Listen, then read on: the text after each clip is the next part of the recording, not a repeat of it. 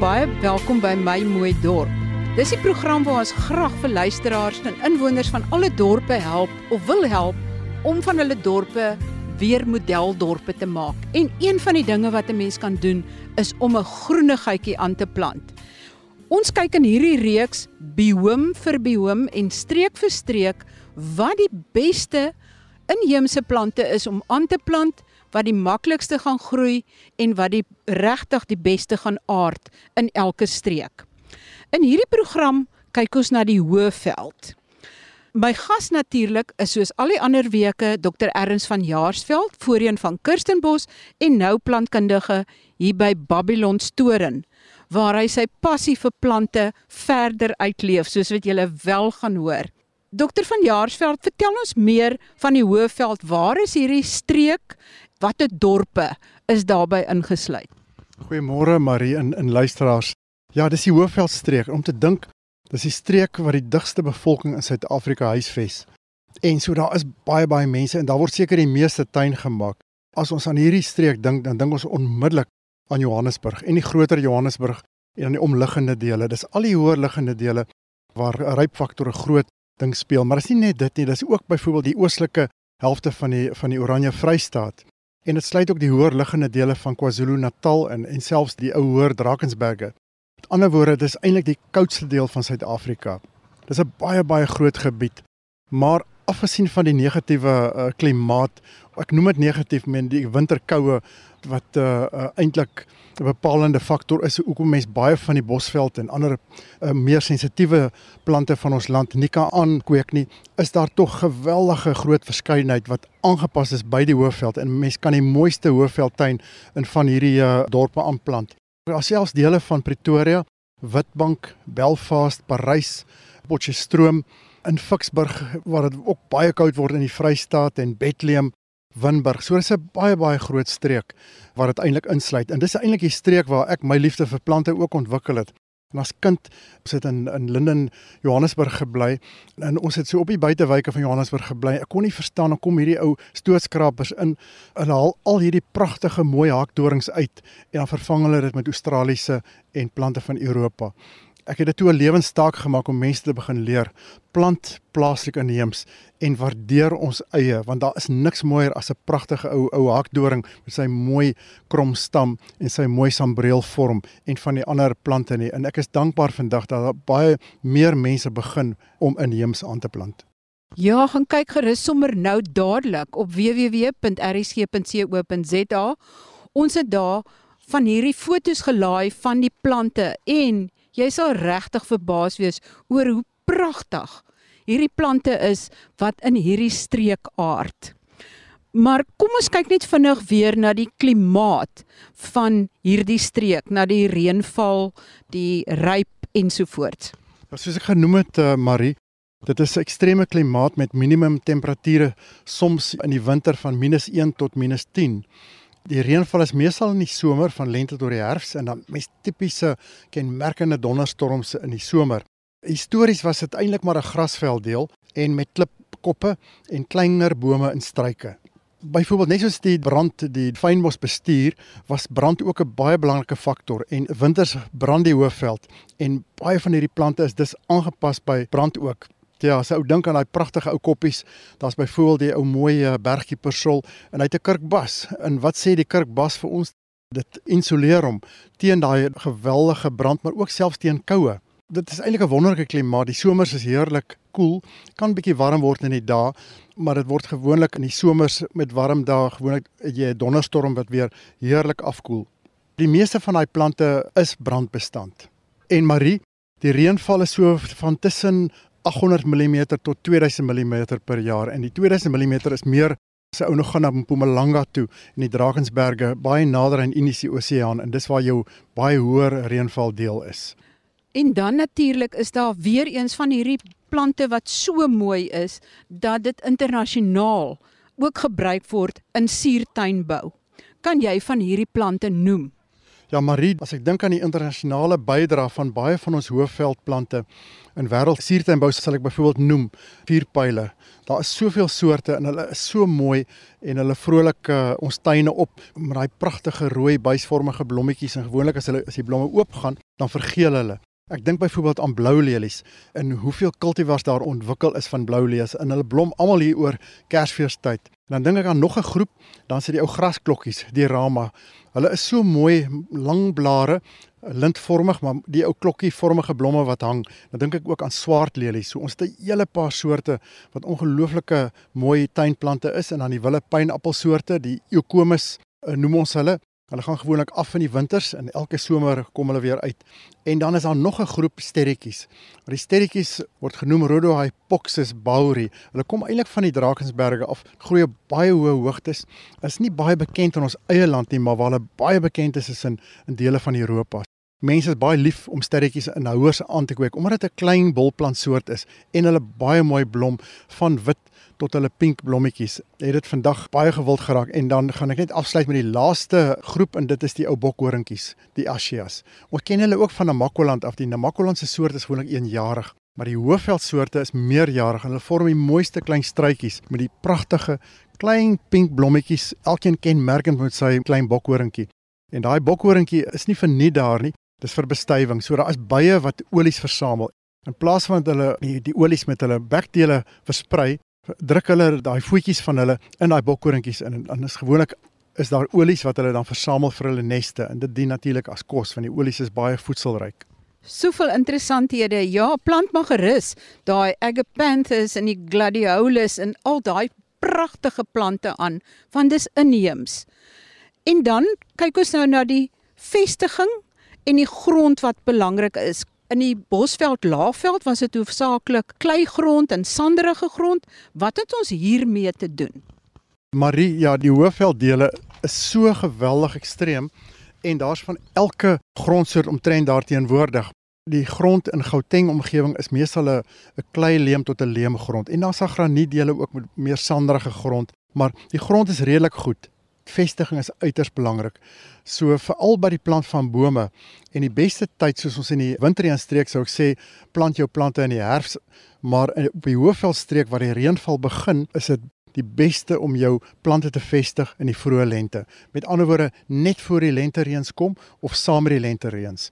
Ek gaan dit weer noem by bome aanplant maak 'n gat 2 maal so groot soos die volume van sy sak en plaas 'n handjievol beenmeel en jy kan selfs 'n bietjie uh, kunsmis of anders onder in die gat saammeng en plant dan jou boom tot dieselfde diepte as wat hy ingestaan het in sy sak en dan uh, bo-op as jy hom nou toemaak kan jy as grondbedekker net 'n laagie kompos bo-oor sit sal hom stadig vrystellende voedsel dien en dit sal ook help dat daar nie onkruid opkom nie want onkruid word gestimuleer deur sonlig en versteurde grond maar sodra jy 'n deklaagie op het en jy kan selfs oor daai deklaag soos ons hier maak by Babylon's toren bo die kompos self sit ons 'n uh, laagie van houtvesels en dit beskerm dan en hou die vog binne in die grond As mens kyk in die Hoëveld om 'n tuin of 'n park of enige gebied wat jy wil aanplant te vestig.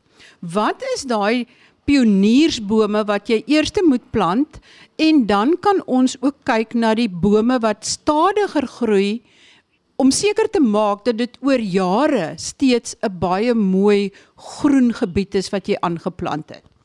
Die meeste mense soek maar 'n kitstuin. Almal wil vinnig groeiende plante hê en veral met bome. Gelukkig is daar 'n hele klomp en dan plant jy jou meer permanente bome saam met jou pioniers en teen die einde dat jou pioniers eintlik hulle doel uitgedien het, is die ander stadig groeiende bome al klaar groot.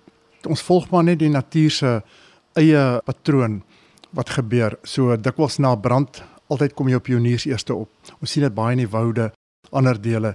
Dit is baie baie belangrik om daai vinnig groeiende plante aan te plant en baie van hulle is ook baie kleurvol en baie mooi omdat hulle so vinnig groei en hulle produseer ook gewoonlik baie blomme in in volop saad. As ek begin dink aan pioniers vir die hoëveld of die grasveld deel, dan uh, dink ek onmiddellik aan die soedoring Acacia karoo. En dit is so 'n aantreklike boom. Groei vinnig, mooi ronde kruin, hy het heerlike soet gom. Sy naam is nie vir niks soedoring, is nie as gevolg van daai mooi geel blomme wat uh, hier oor Kersfees en die somer verskyn nie, maar is maar eintlik daai wonderlike soet gom wat uit sy stam uitkom wat eintlik die gevolg is van uh, stamboorders. So soetdoring is 'n wonderlike vinnig groeiende boontjie wat gou en vinnig resultate sal gee. En dan dink ek ook aan die notsoeng of die Haleria lucida. In Engels word hy ook genoem die tree fuchsia, die boom fuchsia. Hy het pragtige hangende blommetjies bysvormig op sy hoofstam en is gewoonlik oranje, maar daar's 'n geel kultivar ook beskikbaar. En gelukkig is hierdie plant ook baie wyd beskikbaar en so ook die soedoring. Hierdie twee is, is wonderlike plante. Die soedoring sal natuurlik baie baie lok in heuning verskaf vir heuningbye terwyl die notsoeng natuurlik weer vir die suikerbekkies kos verskaf. Maar dis nie al nie. As die notsoeng nou klaar bestuif is, dan draai ook soet eetbare bessies wat baie baie lekker is om te eet. Natuurlik sal ook baie vrugte uh, vredende voels aanlok. En dan dink ek ook aan geelkeer, uh, Calpurnia aurea, ook 'n vinnig groeiende struik met geel blomme. Ek dink aan byvoorbeeld die ou blompeer. Dit is Tombea rotundifolia. Groot taamlik vinnig, mooi spierwit blomme en veral in die, in die middel van die winter. So hy blom middelwinter as hy gewoonlik blaarloos is en direk daarna verskyn sy blare weer. Dis 'n wonderlike boontjie om aan te plant. Hy word nie te groot nie, maar 'n mooi, mooi aantreklike boom. Dan dink ek ook aan selfs die ou papierbasdoring. Die kom natuurlik voor op die hoofveld ook op sekere streke, maar hy's maar skaars, maar eintlik 'n bosveldboom. Hy hy doen baie baie goed op die hoofveld. So hy het 'n baie mooi kenmerkende plat kruin en dan natuurlik daai skilverbas. Hy het ook pragtige blommetjies, uh, wit blomme wat hy in die somer voortbring. Na die pioniers in is en ons plant ons uh, meer permanente bome, So ek voorstel vir die hoofveld natuurlik olien. In olienhout kom oral oor ons land voor. So mense kan hom eintlik enige plek plant, van die bosveld tot in die fynbos. So geharde en mooi boom. Hy is soms stadig groeiend, maar ek het gevind as 'n ou om uh, mooi na hom kyk, maak 'n uh, lekker diep gat en jy gee vir hom goeie kompos, dan groei hy nie so stadig nie. Hy het vreeslike mooi hout ook en hy ryk ook baie lekker as mens met daai hout werk. Maar is 'n mooi uh, immergroen boom in 'n ronde kruin en dan draai natuurlik ook klein uh, vruggies wat eetbaar is en soet is en wat baie van die tuinvoëls sal aanlok. Nog 'n wonderlike ding vir die hoofveld is die basboom. Daai is Cotinifolium. Ek dink die meeste mense ken hom. Ook wyd beskikbaar. Hy dra hierdie pragtige pink pompon bolletjie uh, blommetjies in die somer ook en hy word nie te groot nie. Dis 'n baie baie mooi boontjie eintlik hier van die oostelike hoofveld van die Drakensberg gedeeltes. Maar 'n wonderlike aanwins vir die tuin. En dan dink ek ook aan Basterolien, is een van die Buddleia soorte. Gewoonlik is hulle baie vinnig en hy groei redelik vinnig as 'n mens uh, na hom kyk en en vir hom genoegsaam water gee, is hy vinnige groeier. En natuurlik 'n boom wat baie op die hoofveld vandag steeds aangeplant word, is die witstinkhout. Witstinkhout het 'n pragtige grouwe bas wat laat mens baie dink aan 'n aan 'n olifant se vel. Hy's natuurlik bladwisselend. So hy's baie aangeplant as 'n straatboom op die hoofveld op baie van die dorpe ook omdat hy ryp bestand is. Ook sy wortels ook nie aggressief is nie. 'n Boom met eintlik 'n baie wye verspreiding. Hy kom tot op die Kaapse Skiereiland voor. So mense kan hom eintlik in baie dele van ons land aanplant. En dan dink ek weer aan die karee. Daar's twee soorte wat ek wil uitsonder, die gewone ou karee wat immergroen is en dan die bergkaree, uh, Cearcia leptodictea. Beide van hulle is immergroen met daai drie ledige blaartjies en hulle klein bessies is ook eetbaar en was vroeër ook gebruik deur die plaaslike inheemse bevolking vir allerlei geregte berei en so meer. Die taaibos is ook maar tipe karee, sê Harsia pyroides en is 'n groot immergroen uh, struik. Wat mooi is van hom is hy hy groei vinnig en sy blaartjies is in die herfs verkleur hulle ook baie baie mooi uh, allerlei kleure. En dan dink ek aan die rooi ivoor, Bergimia zayeri Dit is een van ons waardevolste houtsoorte. Die boontjie groei maar baie stadig, hy's immer groen, maar verskriklike mooi uh, klein boontjie. En uh natuurlik daai hout van hom genoem rooi ivoor omdat hy daai pragtige rooi vlamme het. 'n Baie baie digte hout. En dan 'n ander boom wat ek ook wil uitsonder is die uh ou mooi hoofveldjie persol of die bergjie persol. Dit is Cousonia paniculata waar sinuata. Sy blaartjies is ingeduik, so hy's baie na verwant aan die Karoo kipersol wat wat se blaartjies nie so ingesny is as die hoofveldjie persol nie. 'n Mens moet net versigtig wees. Onthou net met die hoofveldjie persol. Dis 'n plant met vleesige wortels. As jy hom plant of jy saad saai byvoorbeeld eerste ontwikkel hy daai vleesige wortels soos amper soos 'n geel wortel en dan verdik hy en dan begin hy sy wortels maak en dan daai sy wortels swel op en as dit naby konstruksie is dan sal hy goue paadjie uitmekaar uitdruk. Maar dit is maar die natuur van sekere plante so Gelukkig word hy nie so groot nie, maar 'n mens moet maar versigtig wees. Plant hom net weg van enige konstruksie of in ook nie te naby aan die huis nie. En ek dink ook aan die ou haakdoring. En die haakdoring is Acacia cafra. Dit's 'n vreeslike mooi boom met 'n pragtige vorm. Ons besef nie eintlik met die rykdom wat ons sit nie. Daai haakdoring is so 'n pragtige boontjie en is uitstekend vir 'n kleiner tuin, ook vir 'n groter tuin. En hy dra weer pragtige ritse uh, witkleurige blommetjies in die somer. Maar soos alle doringbome natuurlik het hulle daai stuk stof binne in die knoppies en uh, dit baat die grond en hy's vriendelik vir alles wat onder hom groei. En so baat al jou grondbedekkers ook. En dan die ou buffelsdoring is nog 'n wonderlike klein boontjie met blinkblare en dis Ziphus mucoronata. As jy hom aanplant, kan jy hom ook aanplant as 'n veiligheidsheining. Veral ja, in vandag se tye is dit 'n baie baie mooi plant so met sy blinkblare, die buffelsdoring of die blinkblaar wagge bietjie. Daar's 'n hele paar soorte willevye wat ook op natuurlik op die Witwatersrand voorkom. Hulle kom gewoonlik op rotsriwe voor en gewoonlik aan die noorde kant. So hulle word jaarliks elke keer groei hulle uit in die somer, dan kom die wintersnoei. En die uiteinde is dat die plante eh, natuurlik gesnoei word en moet dan weer van voor af uitgroei. So mense kan hom ook in jou tuin plant, maar plant hom op teen 'n noordelike helling. Ek dink byvoorbeeld hier aan die ou rooiblaar rotsvy Ficus ingens. Hy word eintlik 'n baie groot boom in ander dele van die land. Maar hy's ook mooi as 'n potplant. So mense kan hom ook as 'n potplant aanhou. Jy kan 'n bonsai van hom maak. Die wonderboomvy wat die presies dieselfde ding doen op die hoëveld. Hy kom voor as 'n kleinerige boontjie daar, maar hy word baie groot in ander dele van ons land, eh, Ficus salicifolia. En die laaste een wat ek wil uitstaan van die willevy is dan natuurlik die ou ou grootblaar rotsvy, Ficus soldanella. En dis net so 'n mooi klein boontjie, groot blare, mens moet hom maar altyd ook net teen 'n warm noordelike helling of as jy natuurlike koppie het, kan jy hom aanplant. Hy is tog gevoelig vir ryp, maar hy sal weer uitloop soos elke winter die ryp hom afsnoei. Het alle wilde vybome, inheemse wilde vybome baie deurdringende wortelstelsels? Vir die antwoord op hierdie vraag sal jy tot volgende week moet wag.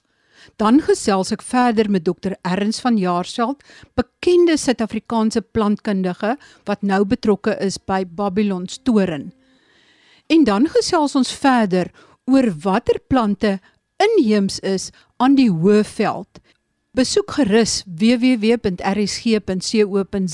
want daar is verdere inligting en fotos van die meeste van hierdie plante wat nou vandag genoem is. En as jy nie kan wag tot die vroeë lente om jou bome te plant nie, doen dit dan gerus nou, maar moenie laat die inspirasie wegkwyn nie. Vergroen jou dorp, vergroen jou tuin. Tot volgende week wanneer ons verder gesels oor vergroening van jou dorp in my mooi dorp. Groete van my, Marie Hudson.